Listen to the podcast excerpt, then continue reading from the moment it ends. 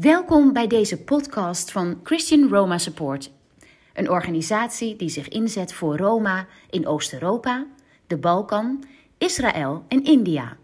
Met verhalen, interviews en wetenswaardigheden over een bevolkingsgroep die tamelijk onbekend is.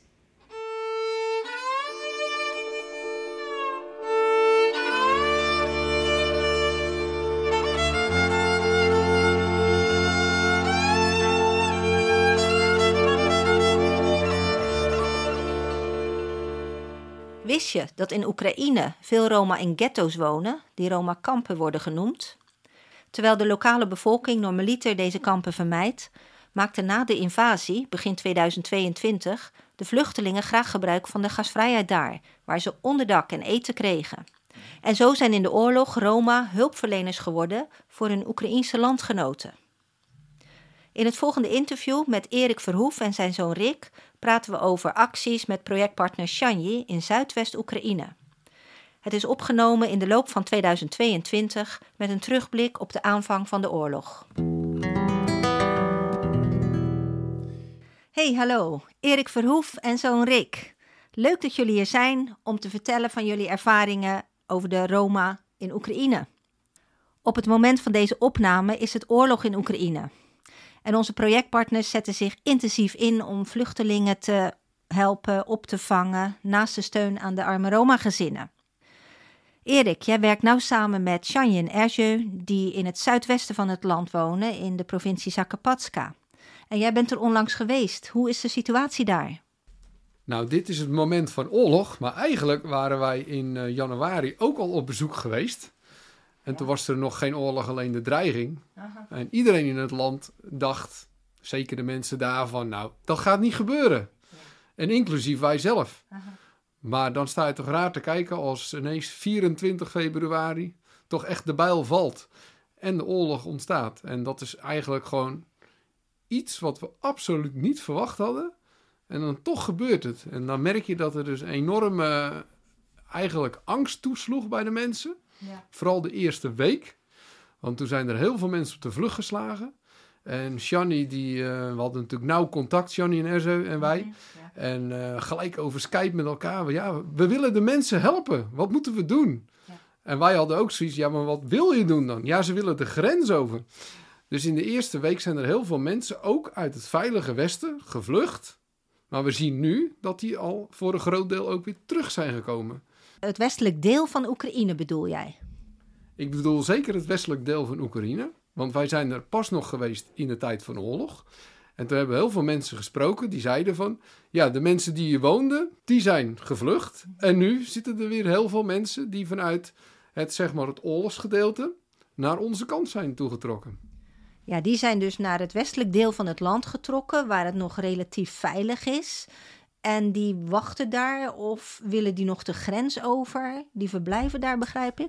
Nou, wat je heel erg merkt is dat uh, de mensen die dus nu gevlucht zijn naar het westelijk deel, voelen zich nu wel veilig. Maar je merkt ook uh, met die bomaanslagen in Lviv, dan komt het toch ineens ja. dichterbij. Want Lviv is ten opzichte van Beregovo maar vier uur afstand. Ja.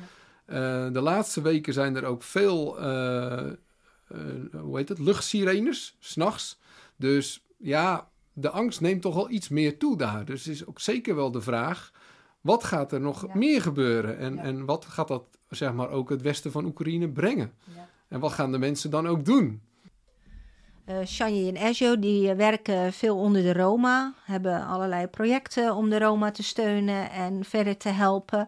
Uh, hoe is de situatie in de Roma-dorpen? Nou, momenteel uh, worden daar ook vluchtelingen opgevangen van Roma uit uh, andere delen van Oekraïne, die dus naar het Veilige Westen zijn gekomen en zich daar zeg maar, verschansen bij de andere Roma's. Uh, op zich is de situatie nu wel een beetje gelaten. De, de, de eerste angst is geweken. Uh-huh. Je went eraan, als ja. het ware. Net zoals wij hier in het Westen er ook een beetje aan wennen. Ja. En nu is het de situatie wel rustig. Zelf zijn we met een hulpconvooi twee weken geleden nog geweest. Ja. En uh, hebben we ook de kampen bezocht waar Shani zeg maar werkzaam is. Ja. Wel heel kort, want we wilden met 24 uur weer het land uit zijn. Ja. Maar uh, dan proef je toch even de sfeer. En ik moet nu zeggen dat het enigszins ja, wel rustig is, gelaten. Maar men leeft wel met de angst wat gaat komen. En dat hebben wij hier al en dat hebben ze daar natuurlijk nog veel meer. Wat gaat er nog meer gebeuren? Ja. We hebben met Christian Roma Support ook een groot hulptransport uh, gestuurd naar uh, een grote Roma-community. En van daaruit uh, helpen ze ook de gevluchte Oekraïners. heb je dat ook in die dorpen gezien, dat veel Oekraïners naar de Roma-dorpen komen? Of heb je dat nog niet gezien? Ja, dat heb ik wel gezien. niet zelf, maar met het laatste filmpje wat Johnny mij stuurde, had hij hij heeft zeg maar eh, op het Roma-kamp waar hij het meest werkzaam is, uh, waar hij het meeste komt, staat een klein kerkgebouw. En daar doet hij diensten beleggen. En was heel grappig om te zien dat de afgelopen diensten ook vertaald werden naar het Oekraïens, schuine streep Russisch, voor de vluchtelingen. Ja, want normaal gesproken is daar toch echt nog steeds de voertaal Hongaars. Omdat de mensen zeg maar zo dicht bij de grens leven. En zeker de Roma-bevolking spreekt eigenlijk algemeen Hongaars. En nu merkt je dus ook dat daar ook in uh, mee geanticipeerd werd. Dus ja, dat merk je wel, ja. Ja, we hebben dat uh, hulptransport uh, dus gestuurd naar een Roma-gemeenschap. En uh, we hoorden dat ze daar ook in de, in de Roma-wijken Oekraïners opvangen, mensen hun deuren openzetten en matrassen neerleggen en voedselpakketten uitdelen. Dus het is heel interessant om te zien dat ook de, de Roma nu hulpverleners zijn voor de Oekraïnse bevolking. Terwijl ze meestal door die mensen veracht worden en gemeden worden. Maar uh, nu is er veel meer uh, ja, gemeenschapszin en, en uh, verdragen mensen elkaar en helpen mensen elkaar. Dus dat is heel erg mooi om te zien. Jij bent ook bezig met een hulptransport komende maand. En ehm, dat ga je ook naar dat gebied toesturen? Ja, wij zijn eigenlijk altijd werkzaam in hetzelfde gebied. En ja, hoe groot is zo'n gebied? Dat is natuurlijk, nou, dat moet je zien als een klein gedeelte. Anneke zei het net al, Zakkerpassia. En daar zijn we altijd werkzaam, want er is zoveel werk, je hoeft niet veel verder te gaan. Dus het gaat zeker naar hetzelfde gebied. Uh, het zal naar een andere Roma-gemeenschap gaan als waar wij ons laatste transport hebben gedaan. Omdat het een grotere gemeenschap is en ook meer contact hebt. En we gaan nu ook met een vrachtwagen. En de vorige keer zijn we met vier bussen gegaan met aanhanger. Oh ja. Dus voor nu uh, is daar nog voldoende. En we kijken ook naar een andere gemeenschap ja, het is gewoon heel mooi omdat je daar gewoon je contacten hebt. En dat je dan juist in tijden van oorlog uh, er voor elkaar kan zijn. Vanuit Nederland dus ook. dus met een bezoek en ook met hulpgoederen. Maar ook je kan er gewoon zijn. Eh, het hoeft niet lang te zijn, maar uh, je gezicht laat zien met de mensen, bidden. Uh, gemeenschap vormen als christenen onderling. Dat is zo'n eigenlijk, ja, dan heb je ook het gevoel dat je iets kan doen. en, heel mooi. en dat maakt het ook waardevoller. Ja, ja. En uh, normaliter, wat voor uh, activiteiten, wat voor projecten doen jullie uh, daar? Nou, wij zelf ondersteunen de familie Shani en ja, ik zeg ook echt met name familie, want ze doen het ook met hun kinderen.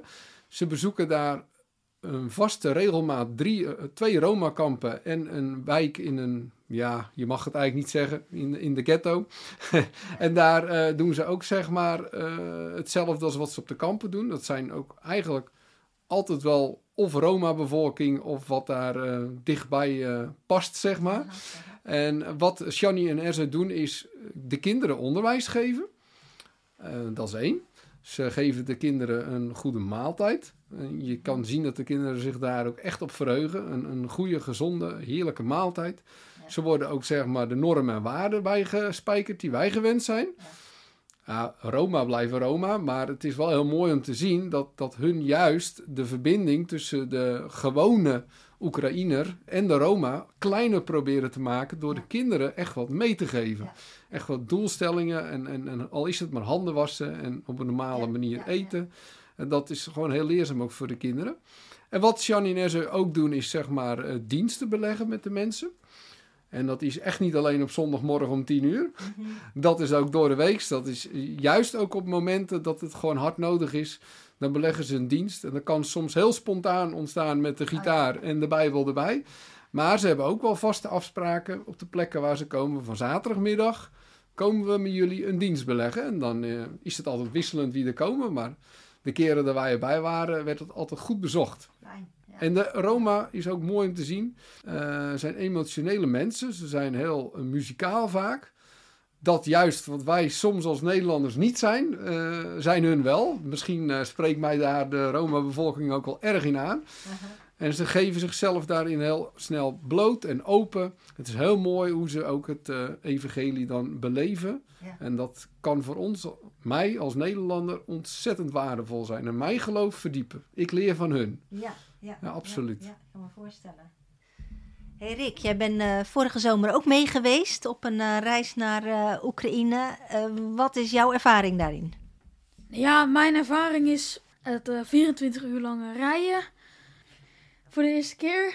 Oh ja. Nou ja, dat ging vrijwel goed.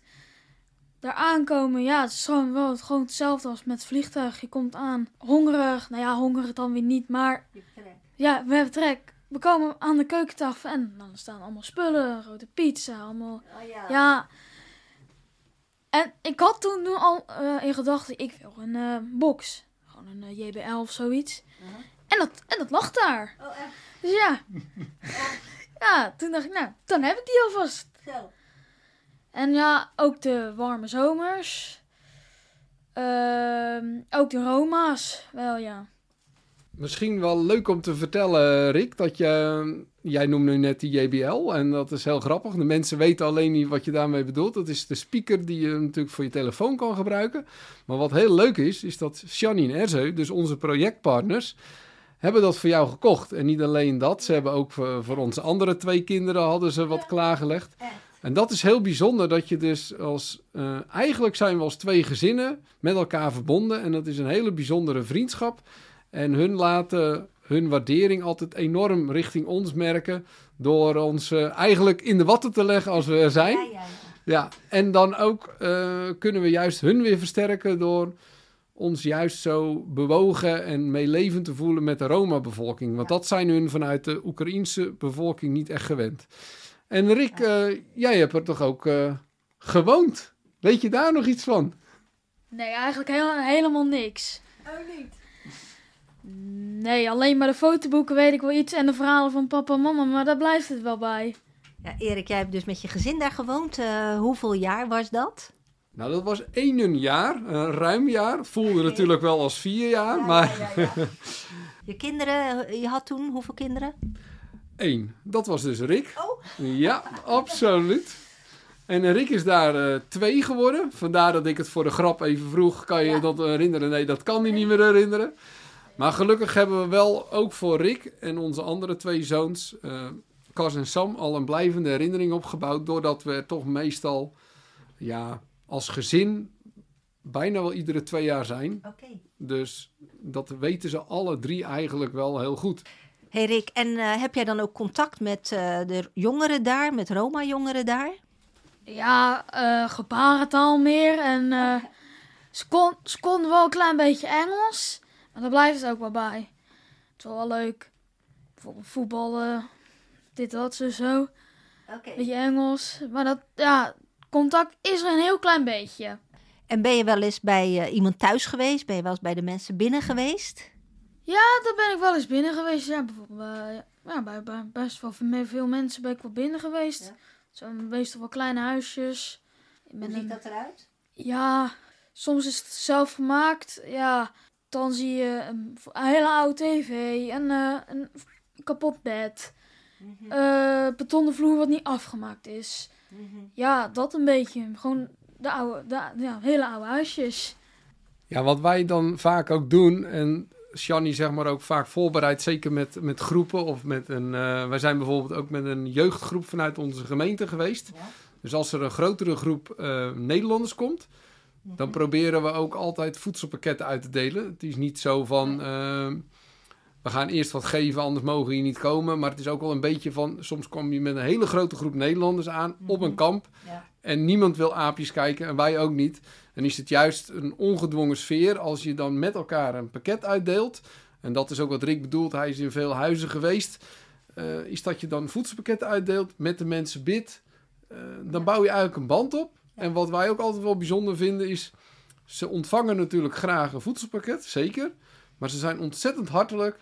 En ik zou wel eens willen weten als wij uh, de boel eens zouden omdraaien... en als we in Nederland voedselpakketten bij arme mensen zouden uitdelen of we net zo hartelijk zouden ontvangen worden. Of dat mensen zich misschien wel sneller eh, schamen. En dat vind ik van de Roma-bevolking Ja. ook heel mooi. Ze zijn altijd open. Ja. Je bent welkom. En, en, en, en je kan ook gelijk met de mensen bidden. Eh, je, je, op een of andere manier voel je een soort eh, eenheid.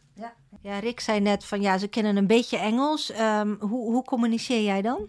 Ja, dat zei hij heel goed. Ze kennen een beetje Engels. nou, dat is wel echt heel, heel eh, minimaal. Nee, zelf toevallig, om, doordat we er een jaar gewoond hebben, heb ik wat Russisch opgepakt. En de oudere Roma-bevolking, die heeft gelukkig nog op school, ja, vinden we dat nog gelukkig in deze tijd. Maar ze hebben nog Russisch gehad. En dan communiceer ik dan toch wel in het Russisch mee. Maar dat is wel, eh, dan is het eigenlijk ook wel handen- en voetenwerk. En dat geeft niet, want soms is het eh, een beperking als je elkaar niet kan verstaan. Maar je gaat ook weer meer op elkaars intonatie letten. Je kijkt naar de gezichtsuitdrukkingen. Dat was ook in de periode toen wij er woonden. Dan was ik, ja, dan ben je, je, je bent eigenlijk een soort van, klinkt misschien gek, een beetje gehandicapt in het land. Omdat je gewoon de taal niet spreekt en hun Ja. verstaan jou niet. Maar dan ga je weer naar andere dingen kijken. En dat kan juist, klinkt gek, ook weer een band eh, scheppen met elkaar. Hey, jullie zijn daar gaan wonen. Eh, waarom eigenlijk? En, en wat gingen jullie daar doen? Ja, dat is wel een heel lang verhaal, maar ik zal proberen hem eh, heel kort te houden. Nou, toen wij, eh, wij spreek ik over, dat is eh, Hanneke, mijn vrouw en ik, zeg maar, tot geloof waren gekomen na een, een, een, lange periode daar ook eh, mee geworsteld te hebben. Toen kwam bij ons eigenlijk de vraag, heeft de Heere God misschien nog een plan met ons? En we weten natuurlijk uit de Bijbel en uit alle andere dat dat vaak zo is. Hè? Wij hebben hier een bestemming. Nou ja, dan is het natuurlijk altijd de vraag, wat is jouw bestemming? En dat is voor iedereen natuurlijk heel verschillend. Maar wij zijn via via terechtgekomen bij een zendingsorganisatie. En we zijn daar eigenlijk, hebben we onze stoute schoenen aangetrokken. En we zijn daar naar binnen gegaan en gezegd wat er in ons hart leefde. En toen zeiden hun, dan moet je eens gaan kijken bij onze projecten die we hebben. En via hun zijn we terechtgekomen in Oekraïne. En daar hebben wij daar een week lang rondgekeken. Via de plaatselijke projectleider hebben we verschillende dingen gezien. Nou, wij weer terug naar huis. Nou ja, dan moet je wel een periode even heel goed samen nadenken. Maar we gaan het verhaal kort houden. We hebben toch besloten om te gaan. En onze plaatselijke kerkelijke gemeente heeft ons gesteund. En hun hebben ons zeg maar ook financieel gesteund. En ook vele andere kennissen, familieleden. En toen zijn we daar voor een langere periode naartoe gegaan. En in die periode hebben wij Shani Debreceni leren kennen. Eh, deze man was toen al werkzaam onder de Roma-bevolking. Hij deed dat nog op één kamp. Ja. Heel in het klein en eh, eigenlijk heel basis, heel basic. Ook wel heel mooi, want hij ging toen gewoon met zijn gitaar erheen. Hij had nog niks. En hij ging gewoon met de mensen zingen en bidden. Maar hij had wel een verlangen om daar meer te gaan doen. Ja. En toen hebben we hem geholpen eh, om in- met instanties in contact te komen. Ook zeg maar werkgroepen vanuit Nederland. En die hebben hem ook financieel gesteund. En toen konden we daar een kerkelijk gebouw neerzetten. Waar hij dus zeg maar de, de diensten kon beleggen. Dus op een Roma-kamp hebben jullie een kerkgebouwtje neergezet. Fantastisch. Ja, onwijs leuk. En dat- de, de startfase daarvan was ook met een werkgroep. Want toen woonden wij daar natuurlijk. Ja. En toen kwam er een werkgroep vanuit Nederland met heel veel jongeren. En die wilden zich graag inzetten. En toen had ik het met Shani overlegd. Van joh, we kunnen hun misschien ook wel op het kamp laten werken aan het kerkgebouw. Ja. Nou, in eerste instantie vond hij dat helemaal niks. Zoveel Nederlanders op een Roma-kamp. Wat kan je verwachten? Hoe reageert de bevolking daarop? Ja. Want dat was echt de allereerste keer dat er voor een langere periode Nederlanders zouden zijn. Ja. Maar het was werkelijk waar bijzonder. Een zeer bijzondere werkvakantie. En eigenlijk was de, iedereen na drie weken, want ze zijn ook drie weken geweest, in tranen toen ze weer naar huis gingen. Het was bijzonder om mee te maken. Als ik het goed begrijp, dan hadden mensen gewoon goed contact met elkaar. De Roma-bevolking en de Nederlandse groep, die hadden contact met elkaar. Die hadden contact met elkaar en de jongeren eh, waren gewoon heel open en, en, en, en makkelijk in de omgang met de Roma. En de Roma-mannen die hielpen Shani ter plekke mee met het bouwen van de kerk. En wat de jeugd deed, was ook gewoon de hand- en spandiensten daarin. Kijk, jeugd is natuurlijk super, maar het zijn natuurlijk niet eh, metselaars of timmerlieden. Nee. Maar met elkaar hebben we daar staan stenen staan opperen en hebben ze meegeholpen met metselen en specie aanmaken. En ja, was werkelijk waar een fantastisch samen zijn en samenwerken. Onwijs mooi om te zien. Prachtig. Nadien heb jij nog veel vaker dit soort reizen georganiseerd. Ook toen jullie weer terug waren in Nederland. En dat doe je nog steeds, eh, begrijp ik. Ja, ik moet wel even een kanttekening geven. Toen wij weer terug in Nederland waren, heb ik wel eens gedacht van... Ja, moet ik me dus wel zo betrokken blijven bij het uh, werk op, uh, op de Roma-kampen en bij Shani? En ik heb het eigenlijk wel een periode verwaterd. En zelfs gedacht van, hebben wij nog een andere plek waar we naartoe moeten gaan? Moeten we niet uh, bijvoorbeeld naar Afrika of zo? Aha. En ik weet nog heel goed dat, we, dat ik na een half jaar de eerste keer voor een langere periode terugging. Dat ik daar heel veel bevestiging in kreeg. Hier moet jij nog even zijn. Ja. Hier moet jij nog even gewoon je verbinding aanhouden. Okay. En die verbinding is eigenlijk in de afgelopen tien jaar alleen maar meer geworden, intenser. En, en er is ook daar de samenwerking met jullie als CRS uit voortgekomen. Ja. Dus je bent er eigenlijk alleen maar in bevestigd dat je daar een taak hebt. En uh, heb steeds vaker ook weer groepsreizen georganiseerd. Ja. Hey Rick, jij bent de vorige keer dus mee geweest. Uh, zou je volgend jaar weer mee willen gaan? Ja, zeker. Zeker wel, ja. Wat vind je dan uh, leuk daaraan?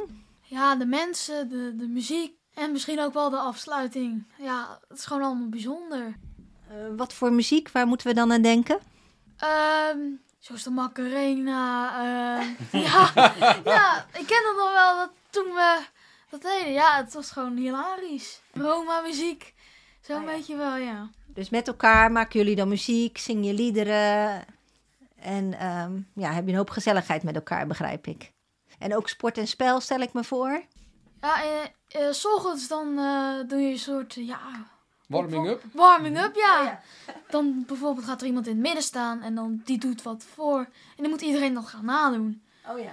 Ik zei zo tegen mezelf, ik ga het even niet doen. Daar heb ik even geen zin in. Maar uiteindelijk vind je het toch wel heel leuk. Zeker, zeker. Hey, en zou je bijvoorbeeld vrienden uit Nederland ook mee willen nemen? Als dat kan, dan zou ik dat zeker wel willen, ja. Want okay een vriend die een keer zei tegen mij: uh, Joh, als je nou uh, de, deze zomervakantie nou niet naar Oekraïne gaat, ga dan naar mij, met mij naar uh, Turkije. Okay. Zeg ik: Ja, nou, dat kan wel, ja. Maar jij zou ook wel die vriend mee willen nemen naar Oekraïne? Ja, zeker. Dat zou ik wel willen, ja. En dan hebben jullie ook contact met de Roma-kinderen daar? Ja, zo'n klein beetje met gebarentaal. Wat denk jij dat uh, Roma-jongeren kunnen doen om hun leven beter op te bouwen? Dat is een hele goede vraag. Uh, ik heb eigenlijk niet, geen idee eigenlijk. Ja. Nou, wat wel mooi is, uh, dat merk je misschien ook al aan Rick's reactie. Als je kinderen dat mee kan geven, dan zien ze gewoon een andere wereld. Mm -hmm. Die je anders alleen van plaatjes en van televisie kan. En dit is gewoon natuurlijk, je, je stapt eigenlijk gewoon midden in de wereld van de Roma-bevolking. En daar, uh, zoals Rick zei, met dansen, dan is het natuurlijk prachtig, want dat is gewoon het programma van, uh, met, met een groep jongeren. En dan met elkaar zingen en, en spelletjes doen. Maar je stapt ook in een leefwereld. Ik weet nog dat Kas tegen mij zei, mijn andere zoon, ja. toen hij thuis in Nederland lekker in bad lag, riep hij mij erbij: Papa, die uh, Roma-kinderen, die uh, hebben geen bad zeker. Uh, nee, gast, die hebben geen bad. Dan moeten wij ze maar een bad geven. Oh ja. ja, ja en, en dus de bewustwording van wat ze zelf meer hebben. Ja. En juist zo graag aan anderen ook kunnen geven. Dat geef je hen wel extra mee door er ook te zijn. Bij de mensen thuis. Jij komt er nou al zoveel jaren. Um, zie je veranderingen? Zie je veranderingen ten goede? Ja, zeker op het hoofdkamp en op de eh, andere twee plekken waar Shani komt, zie je veranderingen in de zin dat hij ook contacten heeft met organisaties in het land zelf. Uh, er is bijvoorbeeld een keer een geasfalteerde weg aangelegd in het kamp. Oh ja. Waar je normaal gesproken in de eerste jaren nou eigenlijk bijna niet met een auto kon komen. Kan je nu gewoon makkelijk naartoe rijden. Dat is mm -hmm. iets kleins. Maar wat mij ook opvalt is dat de mensen het, zeker op Ballenzeer, het uh, hoofdkamp waar die begonnen is, het gewoon iets beter hebben. Je ziet dat ze zich uh, hun huizen wat iets beter eruit zien. Het blijven Roma-woningen, maar je ziet wat, uh, wat nettere omheiningen. Je ziet dat er minder afval ligt. dat maakt toch wel echt duidelijk verschillen op andere kampen. Ik ben al op heel veel kampen geweest. En soms is het zo mistroostig om te zien dat de mensen gewoon in eigen afval bijna leven.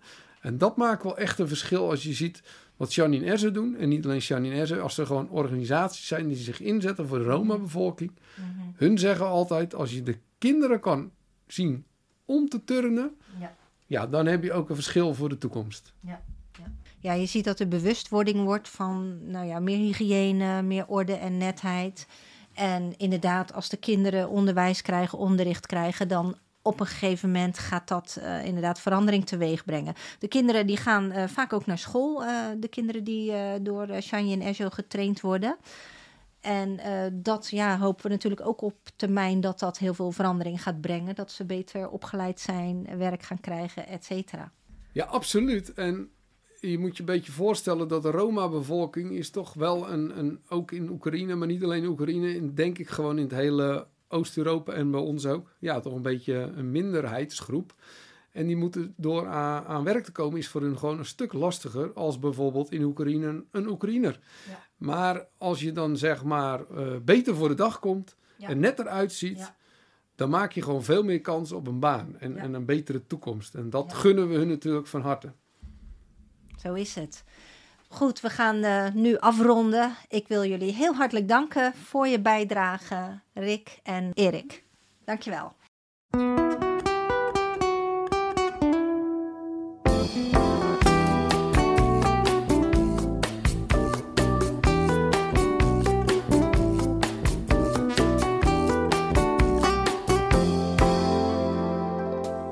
Fijn dat je geluisterd hebt naar onze podcast. Dank je wel. Als je meer wil beluisteren, kun je je abonneren via Spotify.